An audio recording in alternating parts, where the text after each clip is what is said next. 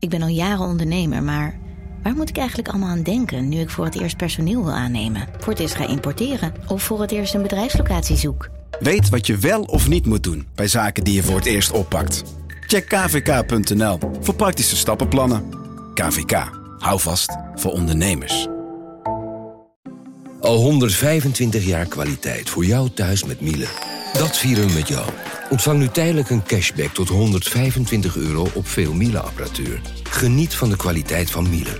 Voor perfect verzorgd wasgoed en kleding die veel langer mooi blijft. Voor een stralend schone vaat, even perfect als jouw diners.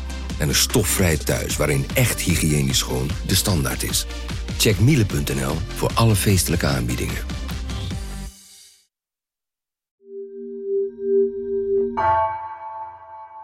Dag luisteraar van het uur. Je krijgt zo Pieter van de Wielen te horen. Maar eerst een bericht van mij, Peter Leijten. En mij, Japke D. Bauma. Over onze nieuwe podcast, Japke D. Denkt Mee. Waarin we je helpen je werk en het dagelijks leven te trotseren. De eerste aflevering over de voordelen van werken op kantoor. Ja, je gelooft het niet, maar thuiswerken is dus echt best wel slecht voor je. Is nu te beluisteren.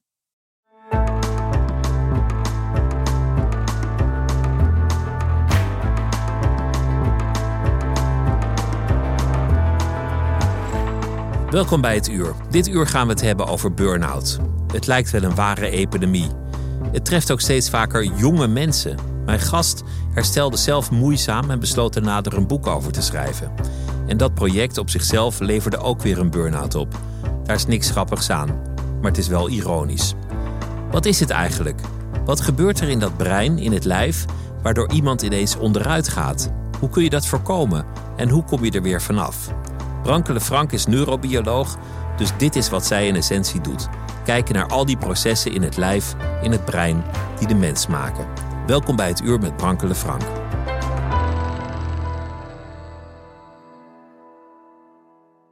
Brankele, welkom. Leuk dat je wilde komen. Dankjewel. Is, is het eigenlijk waar dat het, dat het toeneemt, burn-out? Dat het, dat het een soort verschijnsel van deze tijd is? Ja en nee. Um, aan de ene kant wel, omdat als je naar de afgelopen decennia kijkt, dan zie je wel een toename in het aantal burn-out symptomen. Het aantal burn-outs is lastiger te, te uh, vast te stellen, omdat niet iedereen daarmee wordt gediagnosticeerd. Maar als je kijkt naar burn-out symptomen, dan neemt dat absoluut toe.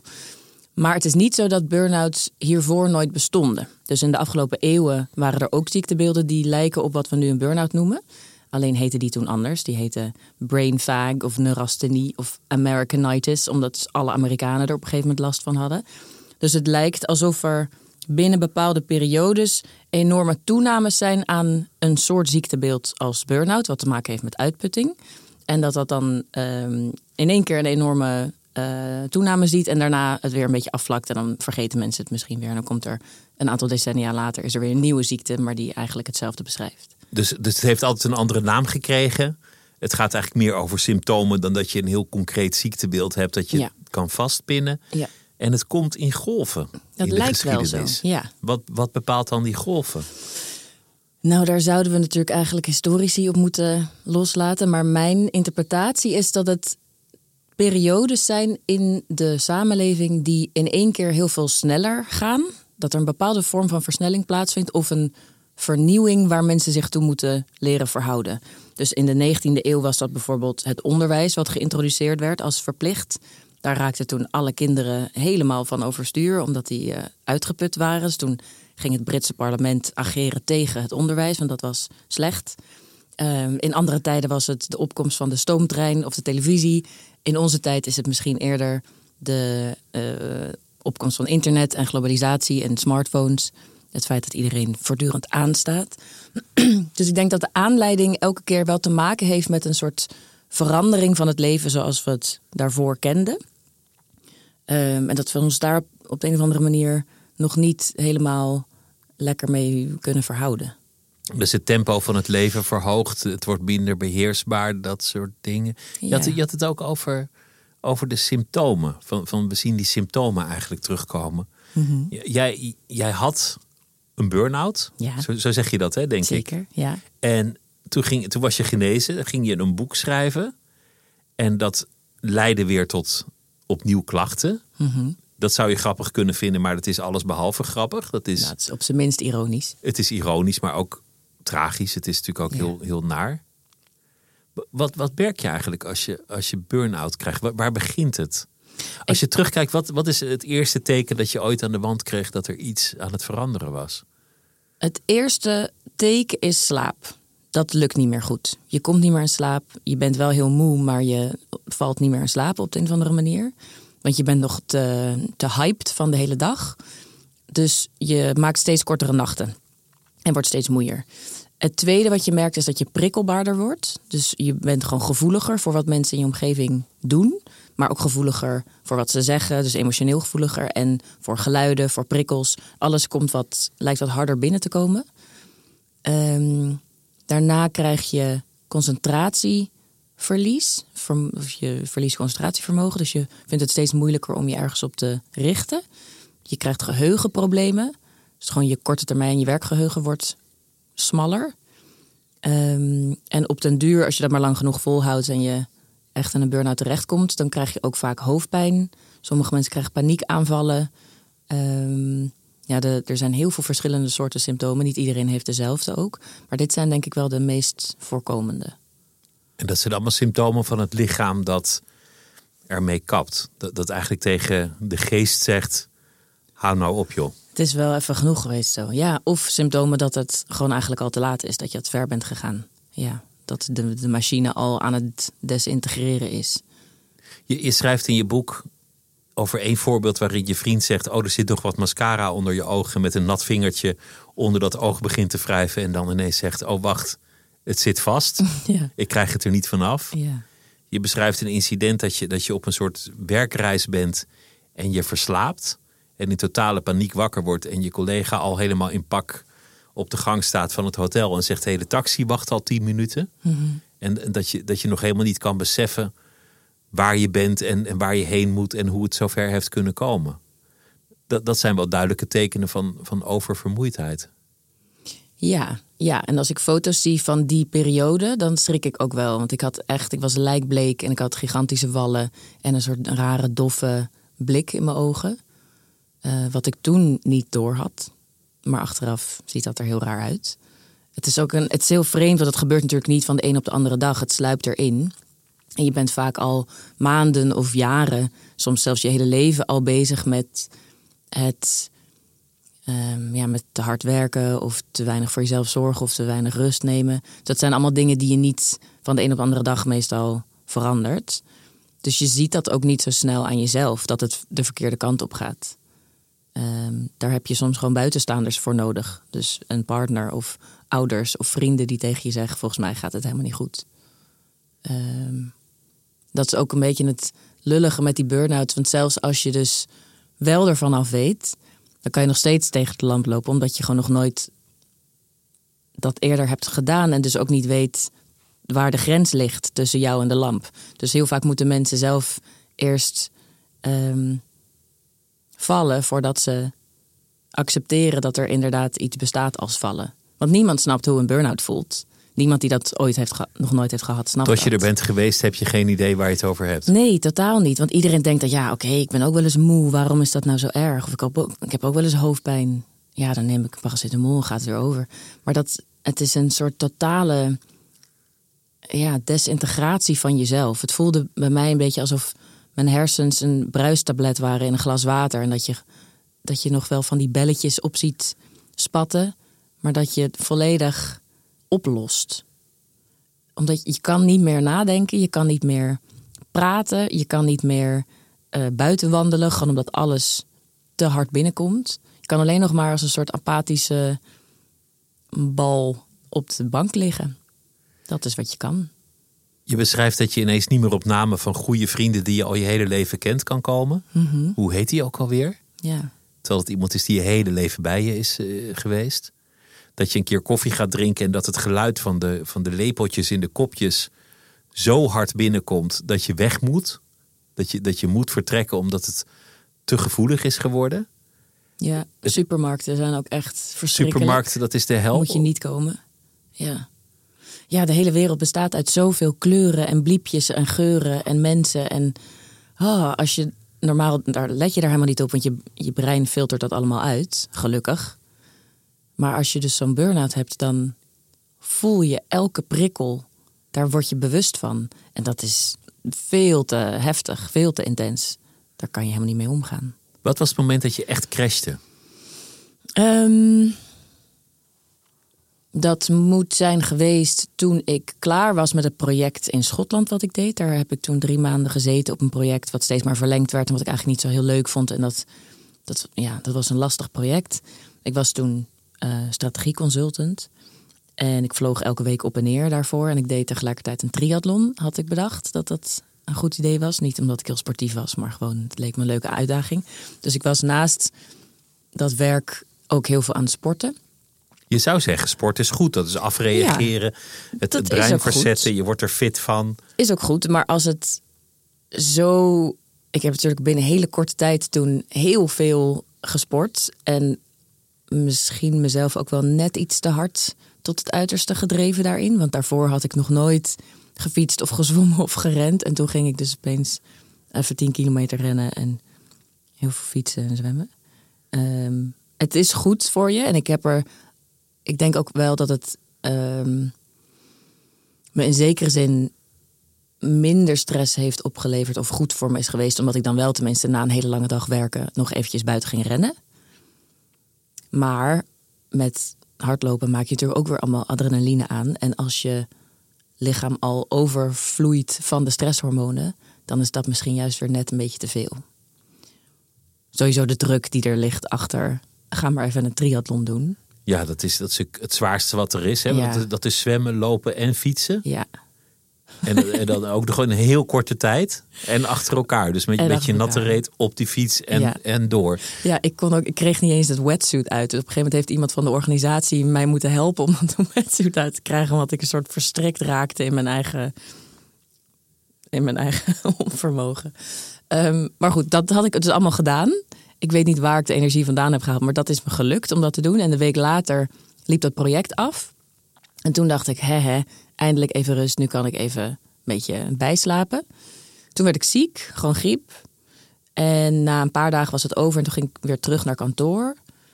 En toen na een, na een uur of twee, drie, leek het alsof iemand een, een soort stolp over me heen had geplaatst. Een glazen stolp. Dus ik hoorde collega's om me heen, hoorde ik praten. Maar ik verstond niet meer wat ze zeiden. Dus ze, ze zeiden woorden en ik wist dat ik die woorden kende, dat het wel mijn taal was. Maar ze kwamen niet meer aan wal in mijn hoofd. Ik had geen idee meer waar ze het over hadden. En toen voelde ik een intense behoefte om op de grond te gaan liggen. Zo moe was ik. Ik wist niet meer hoe ik mezelf overeind moest houden. Dat heb ik niet gedaan, want ik heb mezelf nog enigszins professioneel kunnen houden. Toen ben ik naar de wc geschuifeld en daar heb ik tien minuten een beetje tollend met mijn hoofd tegen de deur gezeten. En volgens mij heb ik me toen ziek gemeld. En toen ben ik naar de HR-manager gegaan de volgende dag om te zeggen: Ik voel me eigenlijk niet helemaal goed. Volgens mij gaat het, gaat het niet helemaal lekker. En dan niet op een griepmanier, maar op een iets fundamentelere manier. En die toonde zich heel begripvol en zei: Oh jeetje, ja, dit klinkt inderdaad niet zo goed. Dan kan je maar beter gewoon van 9 tot 5 werken en echt niet langer. Toen liep ik weg. Toen dacht ik: Oké, ja, dankjewel. Hè? Van 9 van tot 9 tot 5. Dat, dat is een normale fulltime baan. Dat is een hele normale fulltime werkweek. Dat, ik kan niet eens een half uur achter mijn laptop zitten nu. Wat, waar moet ik dat vandaan halen? Dus toen was ik eigenlijk heel erg geschrokken. Omdat ik dacht, oh, misschien stel ik me dan toch aan dat ik dit niet mag voelen. Het zijn hele rare gevoelens, omdat je niet snapt waar ze vandaan komen. Je hebt geen koorts, dus het is niet griep wat je kent. Dus je mag nog niet het labeltje ziek op jezelf plakken. Dus je bent je voortdurend aan het, aan het afvragen, stel ik me aan? Dus dat speelt ook nog mee in, in het hele ziekteproces. Dat, dat je denkt dat je je aanstelt dat het misschien er niet mag zijn. Ja. Schuldgevoel, dat je het laat afweten. Ja, en al je andere collega's die werken ook zo hard. Dus, en zij staan nog wel overeind. Dus waarom zou jij dat dan niet moeten kunnen? Dus dat was een hele vreemde tijd. En pas toen ik weer drie dagen later, geloof ik, naar de bedrijfspsycholoog ging zij keek me aan en één blik had ze genoeg aan. En toen zei ze: Oké, jij moet nu naar huis. Je bent regelrecht het ravijn in aan het rennen. Dit gaat niet goed. Maar wat, je, wat jij zegt is dat er eigenlijk een periode van rust was. Mhm. Dat moeilijke, vervelende project was afgerond. Mhm. de, de, de triathlon die was gelopen. En daar kwam de koorts. Ja. Die koorts lijkt me als leek ook al een soort symptoom. Misschien een soort, soort uiting van het een of ander. Ja.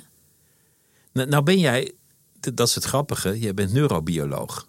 Dus, Ja. dus wat jij kunt is kijken in dat brein en naar de stofjes en de stroompjes en de hormonen en de chemie. En zien wat gebeurt er eigenlijk in zo'n lijf. Wat Mhm. is eigenlijk een burn-out? Dat, dat ben je daarna pas helemaal echt gaan uitzoeken. Ja, want eerst nou, dacht ik gewoon dat de dokters mij wel zouden vertellen wat er aan de hand was. En daar kreeg ik toch niet echt bevredigende antwoorden uit. Want veel mensen hielden het op ofwel een soort vaag metaforenverhaal als je batterijtje is op. En dan dacht ik, oké, ja, maar Waar zit mijn waar, batterijtje waar zit dat eigenlijk? batterijtje dan? Ik bedoel, volgens mij Heb ik geen er batterijtje? Dus daar heb ik ook niet zoveel aan. Dus ik dacht steeds dat ze mij niet serieus namen. En ik dacht, vertel me nou maar gewoon wat er echt mis is. Want dan snap ik het beter. Dan kan ik het beter accepteren en er misschien ook beter van herstellen. Want zo werkt mijn hoofd. Ik moet eerst snappen en dan kan ik het. Vervolgens kan ik er iets aan doen. Dat was misschien ook nog een beetje mijn consultancy hoofd. Dat gewoon een probleem krijgt en dat opbreekt in kleine stukjes en daar dan een oplossing voor gaat zoeken. Dat was wat ik deed als werk. Dus ik voelde me ook gewoon niet helemaal serieus genomen door die artsen. Maar ze, ze wilden ook niet echt aan die naam, aan de, aan de term burn-out. Dat heb ik echt gevraagd destijds. Van, heb ik dan een burn-out? Is dat wat dit is? Toen zeiden ze, nou, ja, dat vind ik niet zo belangrijk om daar een, eh, een naam aan te geven of een stickertje op te plakken. Waar, waar zat dat in, de vrees om dat woord uit te spreken? Nou, omdat het medisch gezien nog helemaal niet zo onderkend is als aparte ziekte. Internationaal gezien al helemaal niet. De Wereldgezondheidsorganisatie die noemt het een werkgerelateerd fenomeen. Dus die wil überhaupt niet aan dat het een ziekte is of dat het iets, ehm, iets is wat ook met andere dingen dan werk te maken zou kunnen hebben.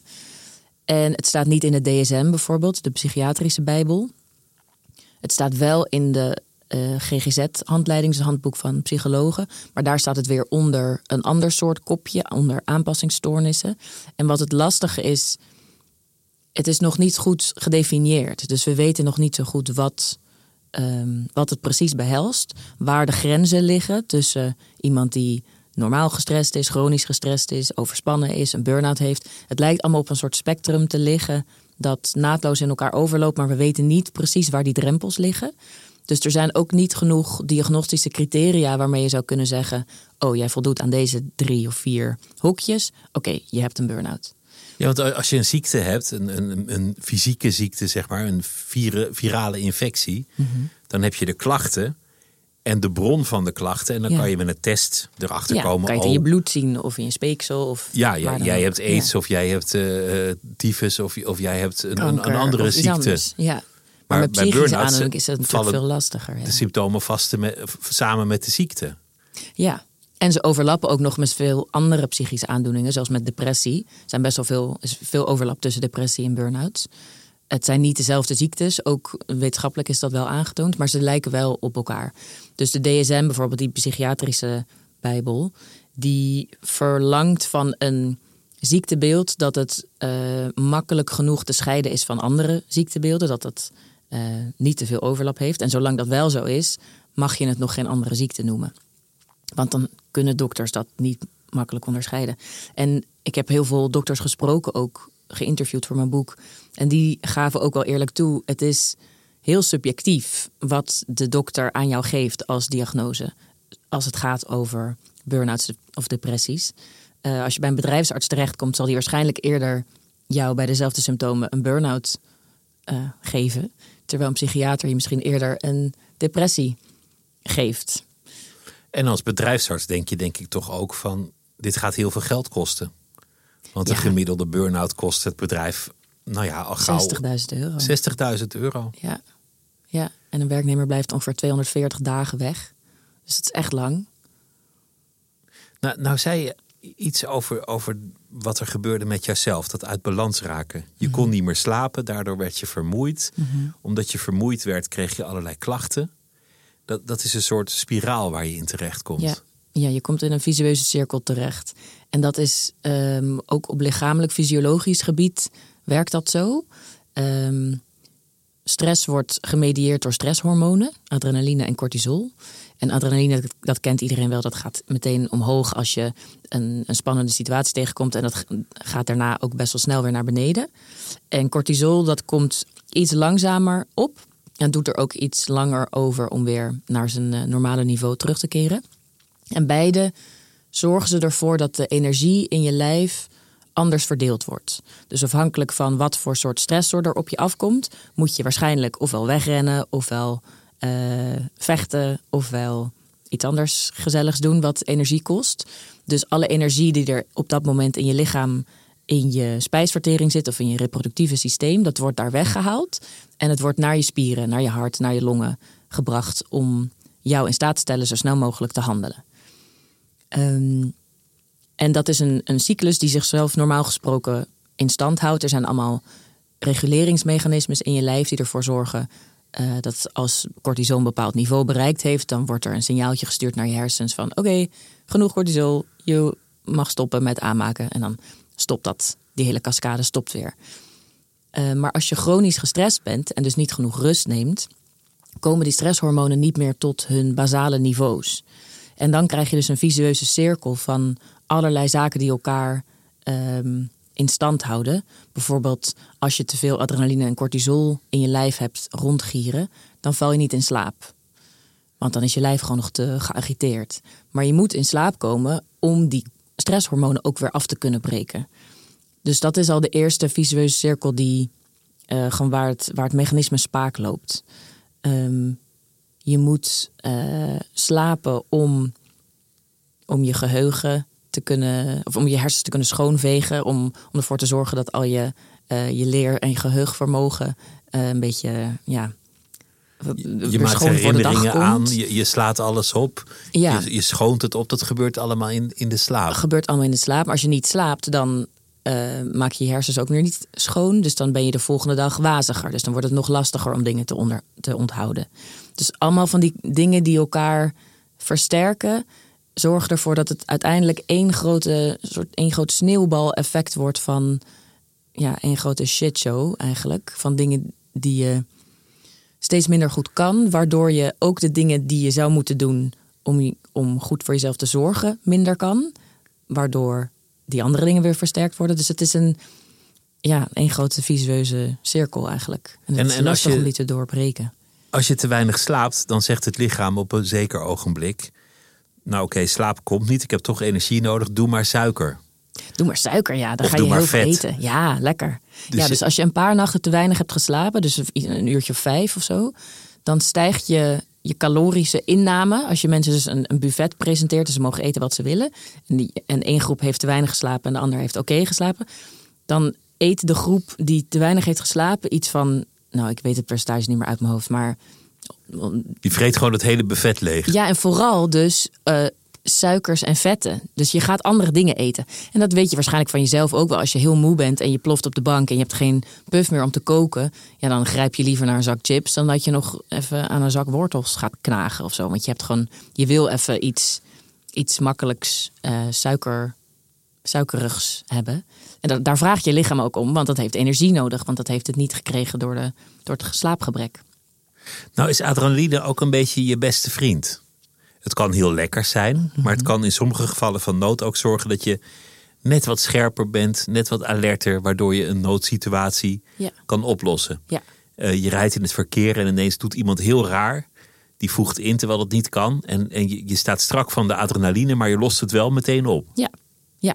Precies, en dan denk dat je, nou, de... dat is een goede stressreactie geweest. Ja, dat is ook zo. Die stresshormonen die stellen je ook in staat om binnen een split second te kunnen reageren. Want als je dat afhankelijk zou maken van je, van je normale huishouding, dan zou je al lang dood zijn geweest in het verkeer. Um, mensen hebben die stresshormonen absoluut nodig, dat stressmechanisme. Als je dat niet kan, dan, dan, ga je ook echt dood. Want het reguleert ongeveer alles in je lijf. En het zorgt ervoor dat je kan reageren op omstandigheden in de buitenwereld die veranderen. Dus dat kan zo'n auto zijn die bijna aanrijdt, maar het kan ook veel kleiner zijn als een temperatuurswisseling of een, uh, een andere concentratie aan moleculen ergens in je lijf. Je lijf streeft er voortdurend naar om een bepaald evenwicht te behouden, homeostase, waarbinnen je lijf goed kan uh, functioneren. En die stresshormonen zijn er een beetje om dat evenwicht ook te herstellen. Dus maar ze wat, zijn hartstikke wat doet goed. cortisol? Want adrenaline kennen we, maar Cortisol is minder bekend. Welke functie heeft dat dan? Eh, Dat gaat voornamelijk over energie vrijmaken. Dus dat zorgt ervoor dat glucose wordt vrijgemaakt uit je lever, bijvoorbeeld waar het zit opgeslagen. En het onderdrukt je immuunsysteem. Dus eh, dat is op korte termijn handig, want als je moet vechten met een, een, een, nou, een leeuw of een baas, of wie je dan ook een, een stressreactie oplevert. ehm, dan heb je er niet zoveel aan om op dat specifieke moment je energie te besteden aan je immuunsysteem. Want je moet vechten of wegrennen of iets, iets anders doen. Dus je immuunsysteem wordt op dat moment onderdrukt. En alle energie die normaal gesproken in je immu- immuunsysteem zit, gaat dus naar je spieren of andere dingen. En als cortisol naar beneden gaat, dan krijgt je immuunsysteem weer de kans om te doen waar het goed in is. En dat is ook de reden waarom mensen vaak als ze een hele drukke periode hebben gehad en daarna op vakantie gaan, worden ze ziek in de vakantie. Want ze hebben dus tijdens die drukke periode daarvoor heel veel stress ervaren om alles maar af te kunnen krijgen wat ze af moesten hebben. En tijdens die stress hebben ze dus hun, hun immuunsysteem onderdrukt dankzij cortisol. Waardoor als ze op vakantie gaan en eindelijk rust nemen, cortisol naar beneden gaat en het immuunsysteem eindelijk weer kan doen wat het wil, namelijk ziekteverwekkers bestrijden. Dus dat wordt dan heel actief en legt jou plat. Maar, maar je zegt vechten met een leeuw, dat duurt nooit heel lang. Nee, De, de nee, leeuw wint of jij wint. Ja. Meestal denk ik toch de leeuw in een natuurlijke omgeving. Ja, Maar dat duurt geen weken, dat duurt zeker geen maanden en al Nee. helemaal geen jaren. nee. Dus, dus voor zulke situaties is dat stresssysteem fantastisch. Even een dosis extra energie, even alles gericht op wat je, wat je nu nodig hebt. Maar als, als je niet vecht met een leeuw, maar dezelfde reactie hebt omdat je vecht met een vervelende baas, Mhm. of een rotproject, of een taak die je niet kan volbrengen, of, of wat er ook aan de hand is, Precies. dan zit het Dan je in de weg. Dan lastig. duurt dat maandenlang, die stressreactie. Ja, en omdat je dus ook niet door hebt dat je daar zoveel stresshormonen voor aanmaakt, voelen we waarschijnlijk ook iets minder de noodzaak om daar rust van te nemen. Want iedereen snapt dat als je hebt weggerend voor een leeuw, dan ga je daarna even een paar uur onder een boom zitten rusten. Maar wij doen dat niet. Wij krijgen e-mailtje na e-mailtje na e-mailtje. En elke seconde gebeurt er wel weer iets nieuws wat er een, een stressor kan zijn. En al die tijd maak je stresshormonen aan, maar dat heb je helemaal niet door. En dus neem je er vaak ook niet genoeg eh, rust van. Dus vandaar dat er ook die hele tegenbeweging nu van mindfulness en meditatie en wandelen. Dat is allemaal een, een, een gevoelde biologische noodzaak, denk ik, als reactie op alle drukte die we overdag ervaren. Die moet gecompenseerd worden met rust. Dat moet iedereen. Je kan dat niet uitstellen tot één keer in het jaar of zo. Je moet gewoon elke dag moet je ook kunnen herstellen van de, van de drukte die je meemaakt. Maar je schrijft ook dat het brein verandert onder invloed van stress. Ja, dat jouw mate waarin je aandacht kunt richten op iets totaal in de soep kan draaien door stress, omdat gewoon het brein fysiek verandert. Ja, dat was een van de dingen die ik ontdekt heb, die ik echt zelf niet wist. Ook niet als neurobioloog. Ehm, ik begon dus aan het onderzoek omdat ik niet bevredigend genoeg antwoorden kreeg van de medische mensen om me heen. En ik wilde heel graag snappen wat er nou precies met mij mis was gegaan. Want ik kon dus van alles niet meer. Maar ik snapte niet waarom dat, niet, eh, waarom dat zo was. En ik dacht heel simpel, nou, als je je been gebroken is, dan weet je dat je daar niet op moet lopen. Dan doe je daar voorzichtig mee. Dus dan, ja, je snapt wat er kapot is. Dus je snapt ook wat je moet doen voor herstel. Maar met een burn-out is dat allemaal veel ongrijpbaarder en vager. Dus ik dacht, ik ga daar onderzoek naar doen. En toen kwam ik er dus achter dat chronische stress, als je maar lang genoeg te veel stress hebt, best wel schadelijk kan zijn voor je hersens. Ehm, grotendeels dankzij cortisol, want dat kan op, op den duur ja, bijna giftige effecten hebben op je eigen hersencellen. Dus wat je ziet als je mensen met een burn-out onder een MRI-scanner legt, die de, de, ja, de structuur van je hersenen kunnen blootleggen, dan zie je dat het hersenvolume als geheel is afgenomen. Dus ze hebben kleinere hersens gekregen. Maar de verschillen, er zitten wel verschillen in bepaalde hersengebieden. Dus hersengebieden die noodzakelijk zijn voor eh, leren, geheugen, nadenken, je concentreren, relativeren. Dat zijn je prefrontale cortex en je hippocampus. Daar zijn de hersencellen gekrompen. Dus je ziet letterlijk dat die eh, hersencellen hebben gewoon minder grote uitlopertjes, minder grote tentakeltjes. Aan de andere kant zijn er emotionele kernen, de amygdala, die je, je woede en je angst en je, je lusten ehm, daar verantwoordelijk voor zijn. Daar zijn juist de hersencellen gegroeid. Dus daar zijn een soort paniekzaaiertjes ontstaan met hele grote wuivende armpjes. Waardoor het ook opeens heel begrijpelijk is dat je heel prikkelbaar bent. Want elk signaal wat er binnenkomt, ehm, activeert die emotionele neuronen. Dus die, zij gaan meteen rondrennen.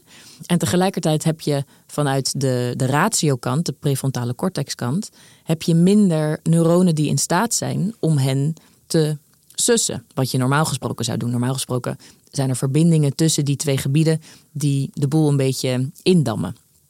Maar die verbindingen werken ook minder goed. Dus dat is ook weer een tweetrapsraket van emotioneel labieler worden, uh, rationeel gezien minder goed uh, dingen kunnen doen. En die twee houden elkaar dus ook nog eens minder goed in stand. En dat zijn um, echt morfologische veranderingen, dus structurele veranderingen die je kan zien in het brein. Wel bij de wat heftigere gevallen. Dus je hebt natuurlijk binnen burn-outs ook wel gradaties. Sommige mensen zitten drie maanden thuis, andere drie jaar. Um, maar dit, dit zijn onderzoeken gedaan naar de wat heftigere gevallen. Maar daar zie je dus wel echt hersenschade. Zou het onherstelbaar kunnen zijn? Ik vrees van wel voor een klein deel hoor. Want er is absoluut. Ik bedoel, ik kan nu ook weer gewoon praten en werken. En alles is weer. doet het wel weer zo goed als. Maar er zijn absoluut dingen die ik merk die ik zelf minder goed kan dan vroeger. En ook als je naar uh, longitudinale studies kijkt, dus mensen die dan zeven jaar gevolgd zijn bijvoorbeeld. Daar was slechts 16% na zeven jaar helemaal van hersteld. En een derde was nog steeds klinisch, uh, had nog steeds klinisch een burn-out na zeven jaar. Dit is wederom een wat ernstigere groep mensen met een burn-out. Um, maar dan nog, het, het geeft wel inzicht in dat er waarschijnlijk sommige uh, veranderingen wel blijvend zullen zijn, ja. Jij kwam eruit door, door schema's voor jezelf te maken. 20 minuten rusten, eh, 20 minuten iets doen, weer 20 minuten rusten, maximaal één afspraak per dag, sociale afspraak. En alles helemaal vastleggen in een soort draaiboek en dat heel consequent volhouden. Ja, nou, dat, dat duurde even voordat ik dat door had. Want eerst had ik mezelf een aantal ja, soort uiterlijke voorwaarden opgelegd. Dus inderdaad, eh, zo vaak afspreken, um, zo vaak sporten of yoga of wandelen of dat soort dingen. Zo vaak mediteren. Maar ik, ik kwam best wel snel al bij een bepaald plafond terecht waar ik gewoon niet meer doorheen brak. Dus de eerste keer dat ik een burn-out had, kwam ik tot, geloof, 20, 24 uur werk per dag aan reïntegratiewerk. Dus dat is dan ook niet eens mijn, mijn volle capaciteitswerk zoals het daarvoor was, maar meer gewoon als een beetje snuffelstage mee, mee mogen lopen op werk. En het werd maar niet beter dan dat, ook niet na een jaar. En op een gegeven moment werd ik zo wanhopig dat ik me heb ingeschreven bij een, een revalidatiecentrum. Want ik had voor mijn gevoel echt al wel alles geprobeerd wat ik kon. En daar kreeg ik toen een gouden tip om een methode te proberen die voor het chronisch vermoeidheidssyndroom uh, bedacht was. En dat was inderdaad wat consequenter en, en stelselmatiger. En hield niet zozeer rekening met juist de uiterlijke dingen die je zou willen doen op een dag, maar juist andersom. Uh, hoe lang kan jij actief zijn of wakker zijn voordat je klachten begint te ontwikkelen? En neem dat als periode die je ook steeds actief mag zijn. Dus bij mij was dat op dat moment twee uur. Als ik twee uur wakker was, dan begon ik zo een beetje de mist in mijn hoofd te voelen dichttrekken. Maar twee uur wakker, dus de rest moest je echt in een soort totale rust verkeren? Um, ja, nou voordat ik met deze periode of deze methode begon, was dus de rest van mijn dag, ja, was gewoon een beetje afzien, doorbijten. Een beetje half slapen, half wakker, half soms maar gewoon accepteren dat je hoofdpijn hebt en wel iets doen. En toen met deze methode ben ik die twee uur gaan zien als een soort de heilige, de heilige periode. Dus elke twee uur sloot ik af met een kwartier of twintig minuten rust. En dat moest dan, uh, dan moest ik mediteren of even een dutje doen of gewoon met mijn ogen ergens zitten. Ik mocht in ieder geval niet iets anders doen. Dus mijn ogen moesten dicht zijn en ik moest zitten. En dat moest ik dan elke keer na die twee uur doen. Dus dan zet ik gewoon een wekker na twee uur en dan moest ik weer een kwartiertje rust houden. En toen ik dat een tijdje deed, echt heel consequent, dus ook gewoon de hele dag en avond door, toen merkte ik langzaam dat ik mijn belastbaarheid iets kon oprekken. Ehm, ik denk dat de grootste reden daarvoor is. Als je een burn-out hebt, dan voel je gewoon niet zo goed waar die grenzen precies liggen. Dat is ook de reden dat je er in de eerste instantie overheen bent gegaan en je lichaam zo hebt toegetakeld. Maar ook als je eenmaal in een burn-out zit, dan weet je gewoon niet wat je nog wel en niet kan. Want je denkt niet dat een kopje koffie drinken heel veel energie kost, maar soms is dat wel zo. Je denkt niet dat een boek lezen heel zwaar is, maar soms is het te zwaar.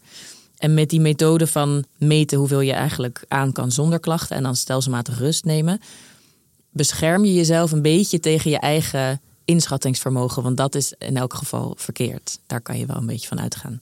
Dus je beschermt jezelf voor het voortdurend weer in zo'n wak vallen en weer ondergedompeld worden in de, in de vrieskou, waardoor je een week niks meer kan. Je, je hebt het ook over ademhaling, hoe cruciaal het is. Dat, Dit Mhm. klinkt meteen wel heel zweverig. Ja. Maar dit ja, klinkt maar- meteen wel zo van, oh, we gaan met z'n allen ademhalen, jongens, komt ie, 1, Ja. 2, 3.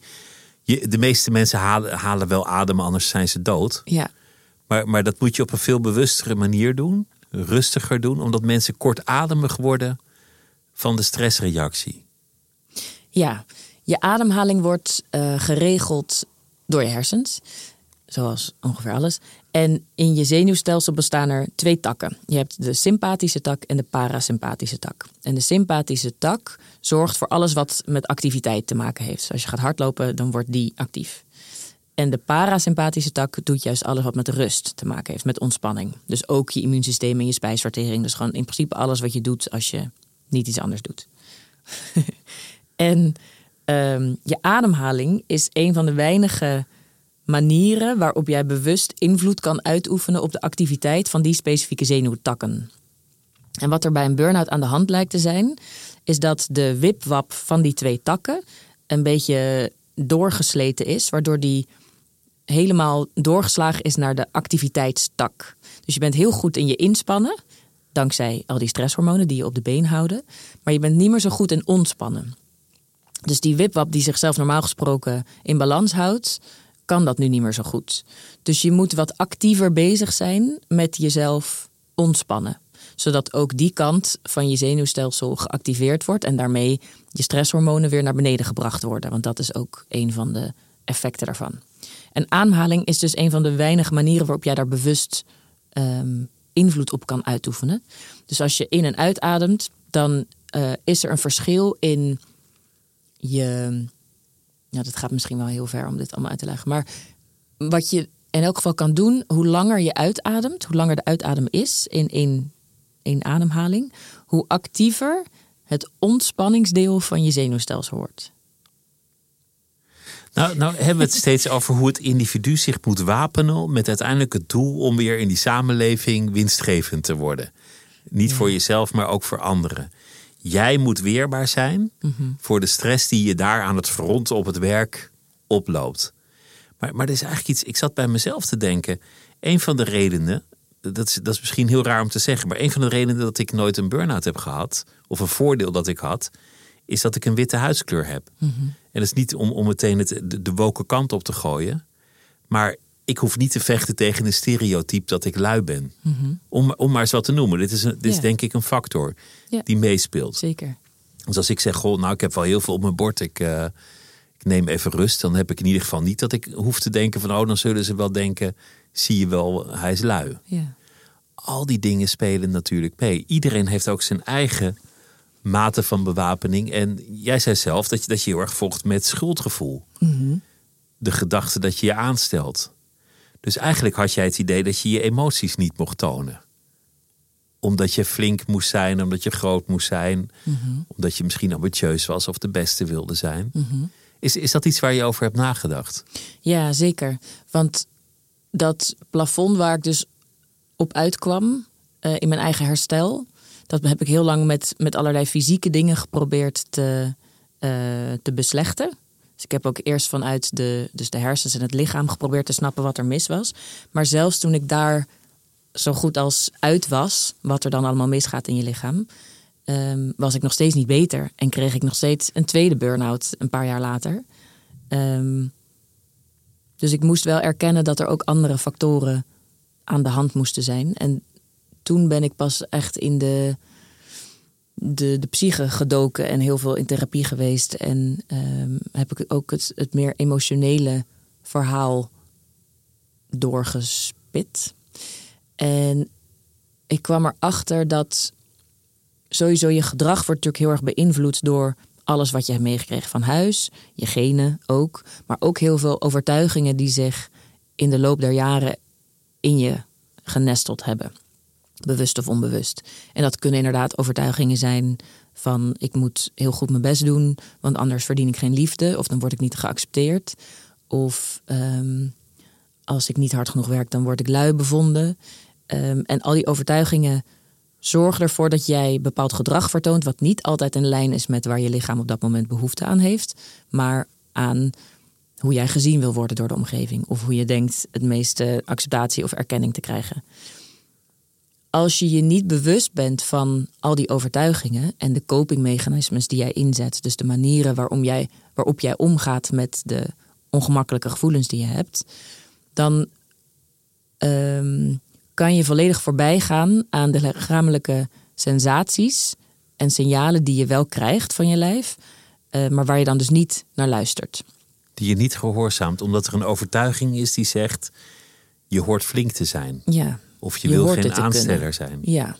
En er, er zijn heel veel factoren die daarin meespelen. En wat je net zei, discriminatie bijvoorbeeld, is ook een hele grote. Financiële problemen is een hele grote. Dus mensen vergelijken zich heel vaak met elkaar of met hun collega's. Maar dat is eigenlijk een beetje een loze vergelijking. Want iedereen heeft een andere genetische opmaak. Iedereen heeft een andere opvoeding genoten. Iedereen heeft andere overtuigingen meegekregen. Dus iedereen functioneert ook anders. En iedereen's biologie is dus daarmee ook anders. Nou zeggen, zeggen ouders vaak tegen kinderen: flink zijn, mhm. doorzetten. Kom, uh, toch naar school gaan. Eigenlijk leer je je kinderen daarmee dat, dat emoties slecht zijn. Of, of in ieder geval een beetje horen te worden, onder, te onderdrukt te worden. Ja, dat is een lastig, want ik snap ook wel echt dat ouders dat willen doen. Want je wil natuurlijk ook dat je kind weerbaar wordt. Maar dat zou dan idealiter wel gepaard moeten gaan met een ook meer inzicht in wat emoties dan precies zijn. En het ontwikkelen van zo'n emotioneel bewustzijn. Ehm, Hoe was dat bij jou als kind? Ik mm, heb van mijn ouders heel veel liefde en warmte gekregen. Um, werd wel vaak verteld dat ik groot moest zijn, sterk, flink, absoluut. Tranen drogen, kom op, je kan er tegenaan. Was je dat als kind? Als kleinkind was ik een enorme huilenbalk. Was ik heel veel aan het huilen omdat ik me helemaal niet begrepen voelde door kindjes om me heen. Ik snapte kindjes niet zo goed. Ik vond ze gemeen en ze pesten me. En... Dus ze snapten jou ook niet? Nee, ze snapten mij ook niet. Nee, ik vond leren leuk en zij vonden spelen leuk. En ik snapte niet zo goed waarom je zou willen spelen. Um, En zij snapte op hun beurt niet waarom je zou willen leren. Dus ik, daar was een, een beetje een, een, ehm, ja, een sociaal schisma tussen. Een mismatch. Maar, maar jij huilde veel als kind? Ja, en daar kreeg ik meestal negatieve reacties op. Dan werd ik op een gegeven moment gepest met jankelen voor me, als mijn naam. Of ik werd verteld door de juf dat ik nu toch wel erg veel huilde. En ik denk dat ik op een gegeven moment onbewust heb geleerd: oh, huilen is dus niet goed. Daar word je niet om geaccepteerd, dus kan ik beter niet doen. En tegelijkertijd liep ik bij een kinderpsycholoog en die leerde me hoe ik vriendjes moest maken, want die had ik niet. En die zei toen: Ja, kindjes zijn eigenlijk heel simpel. Je moet gewoon naar ze lachen. En als je naar ze lacht, dan willen ze vriendjes zijn. Dus dan werd de uiting, het, het huilen of het lachen, het symptoom, mhm. werd tot het probleem verklaard. En, en de emotie waar de tranen vandaan kwamen, die of bleven onbenoemd. Ja, of als oplossing. Van je moet gewoon altijd lachen en dan ben je. Zolang je maar niet huilt, ben je gelukkig. Ja. En ik denk, dat is natuurlijk. Het is een theorie hoor. Ik kan niet volledig bewijzen dat het zo is. Maar ik denk wel dat ik daardoor, onder andere daardoor, mijn eigen emoties best wel heb leren onderdrukken. Dat ik me ben gaan gedragen zoals ik dacht dat sociaal wenselijk was. Waardoor ik dus ook mijn eigen lichamelijke sensaties veel minder heb gevoeld. Ehm, ik heb natuurlijk heel vaak afgevraagd waarom heb ik dit niet eerder doorgehad? Dat ik blijkbaar zo hard tegen de muur aan het lopen was en me, mijn hoofd maar bleef stoten daaraan. En dat is niet omdat mijn lichaam totaal geen signalen heeft afge, afgevuurd. Echt niet. Want ik was moe en ik was. Maar je was eh, ook flink en je ging Maar door. ik moest flink zijn van mezelf. En ik dacht, dit moet ik kunnen, want iedereen kan dit. Dus het zal er wel bij horen. Ja, Ja, jou, jouw ouders hebben ook een tweede, of een, eigenlijk een eerste generatie oorlogstrauma. Van, Ja. van toen zij heel klein waren. Dus jij hebt een tweede generatie oorlogsverleden.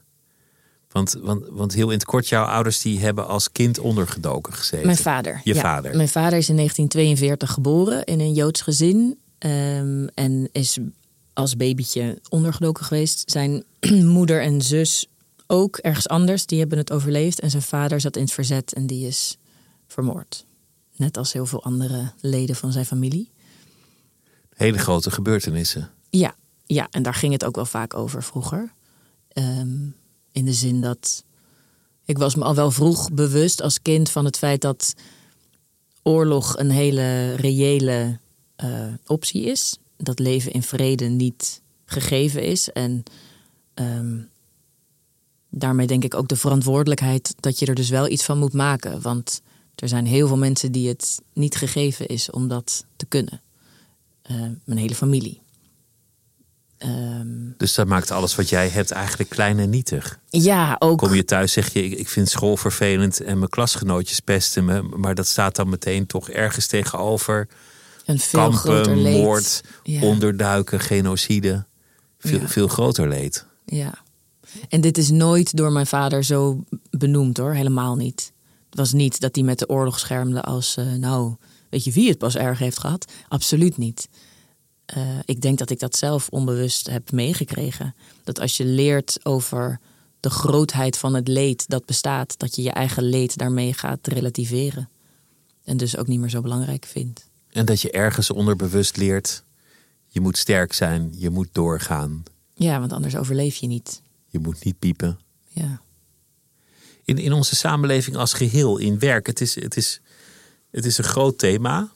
Nou ja, het kost veel geld, maar het kost vooral ook heel veel leed bij, bij heel veel mensen. Zijn er nou dingen die jij hebt geleerd waardoor dat maatschappelijk meer te verhelpen zou zijn? Je hoort wel eens als je werknemers meer autonomie geeft over hun eigen dag- en tijdsindeling. Ja, kijk, een beetje afspraken moet je wel maken, denk ik. Maar dat, dat zou al heel veel schelen. Ja, dat is ook wel echt zo. Je ziet bij middenmanagers, die zijn eigenlijk het grootste, het meest de klos. Want die hebben wel deels verantwoordelijkheid, maar net niet helemaal. Zo'n hele leuke studie waar ze tienduizenden mensen hebben vergeleken, ambtenaren. En dat de, vooral de middenmoot eh, het meest gestrest was. En dus ook de meest stressgerelateerde ziektes en, en symptomen had, ongeacht hun salaris. Want je mag Dus- de bezuiniging niet bedenken, maar je mag hem wel je moet hem uitvoeren. wel doorvoeren, ja. En je wordt wel verantwoordelijk geacht voor het ontslag van alle mensen onder je. Ja, dus autonomie is absoluut een belangrijke. Ehm, maar ik denk dat het iets, iets groter zijn iets grotere krachten, denk ik, in onze samenleving die we zouden moeten aanpakken. Ehm, Welke, welke bedoel je dan? uiteindelijk denk ik dat het terug te leiden is tot een. We zijn ons, ons lichaam en onze hersens voornamelijk als kapitaal gaan zien, wat we moeten inzetten.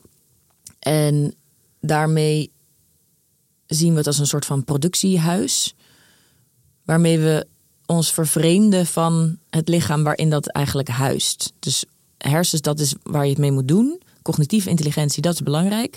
De rest kan je zo goed als vergeten. Terwijl het volgens mij een eenheid is. Je lijf is, bestaat uit allerlei blubjes en bloebertjes en celletjes. Die uiteindelijk wel die cognitieve intelligentie mogelijk maken. Maar zonder biologische, fysieke realiteit heb je niks. Dus daar moeten we volgens mij wat beter voor zorgen. En niet alleen op een eet groente en fruit en slaap genoeg manier. Maar vooral ook door dat lichaam wat meer te omarmen als als integraal onderdeel van wie wij zijn. Uh, dus dat we meer lichamelijk bewustzijn en daarmee emotioneel bewustzijn kweken. Zodat je op school niet alleen maar leert rekenen en taal leert doen, maar ook um, taal leert doen. Ik had ook beter moeten opletten op school. Nee, ja, taal doe je toch? Ja, ik, ik, ik ben, ik ben geen taalnatie. Taal. Ik, vind, ik vind dat wel mooi gezegd. Maar het is, dit uh, is ook wel grappig, want nu kom je, nu kom je meteen op een soort glibberig pad van lichamelijke intelligentie. Ja.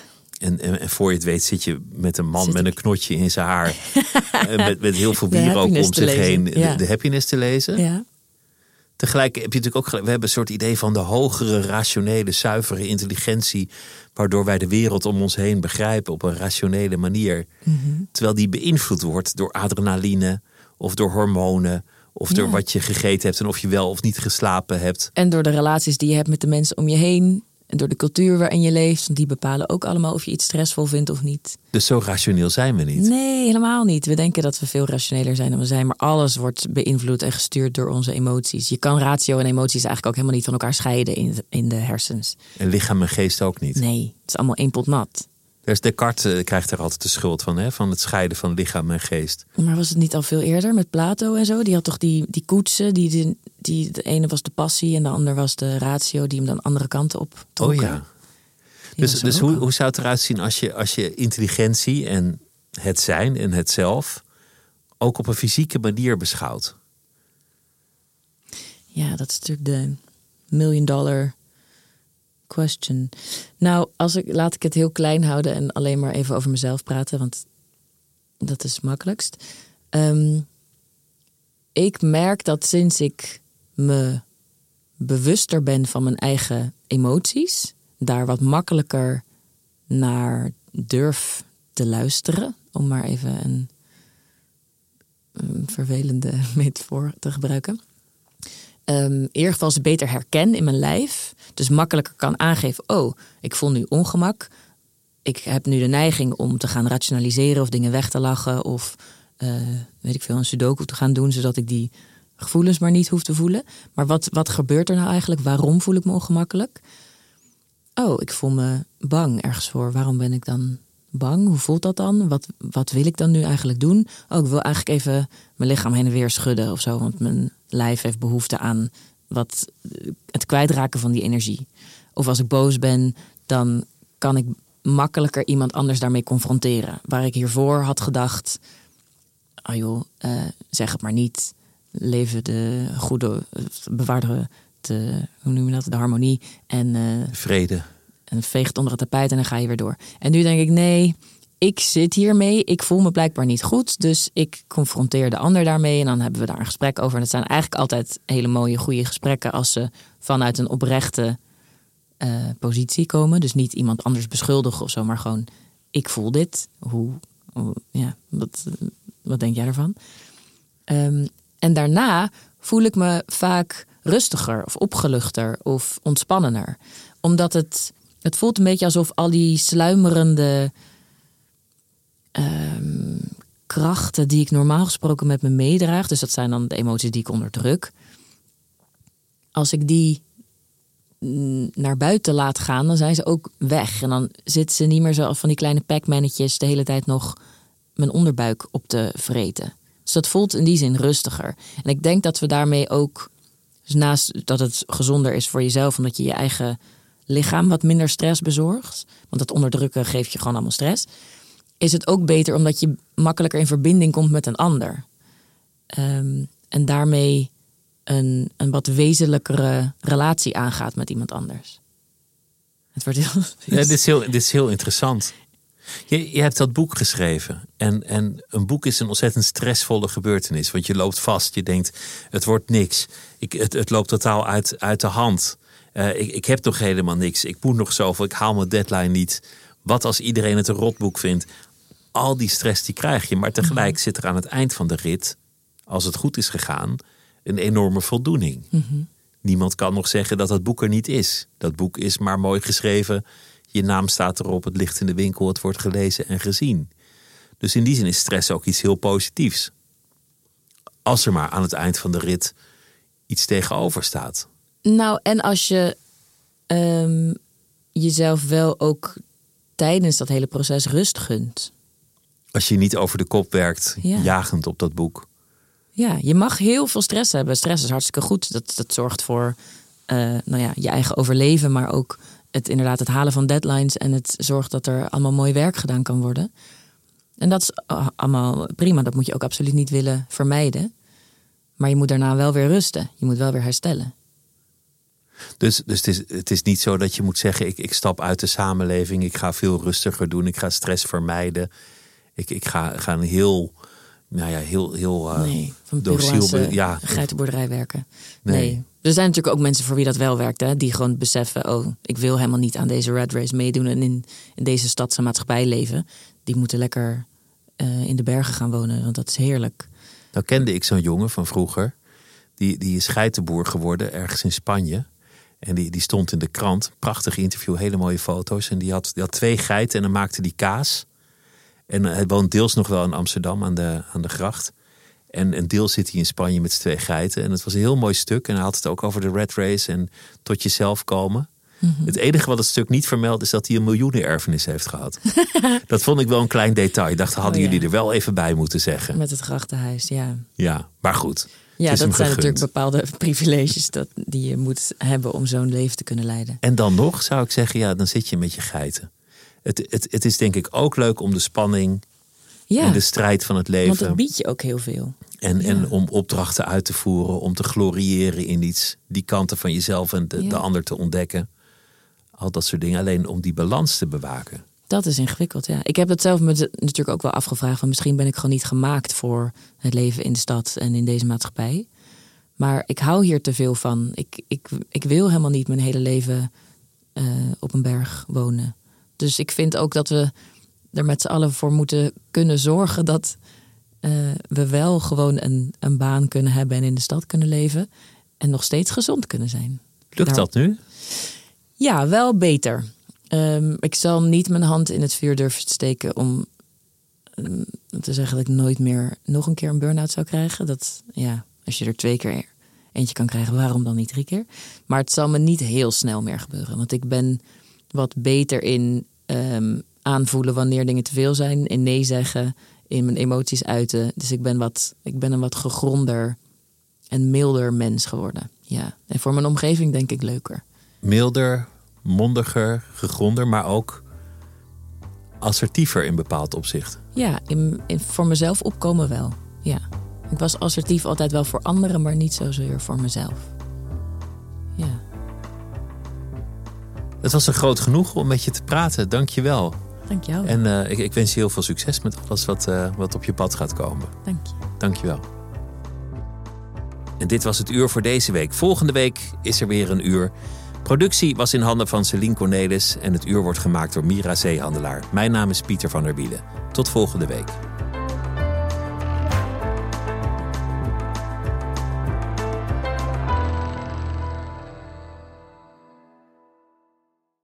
Technologie lijkt tegenwoordig het antwoord op iedere uitdaging. Bij PwC zien we dit anders. Als we de potentie van technologie willen benutten, kunnen we niet zonder een menselijk perspectief. Human-led, tech-powered noemen we dat. Ga naar pwc.nl.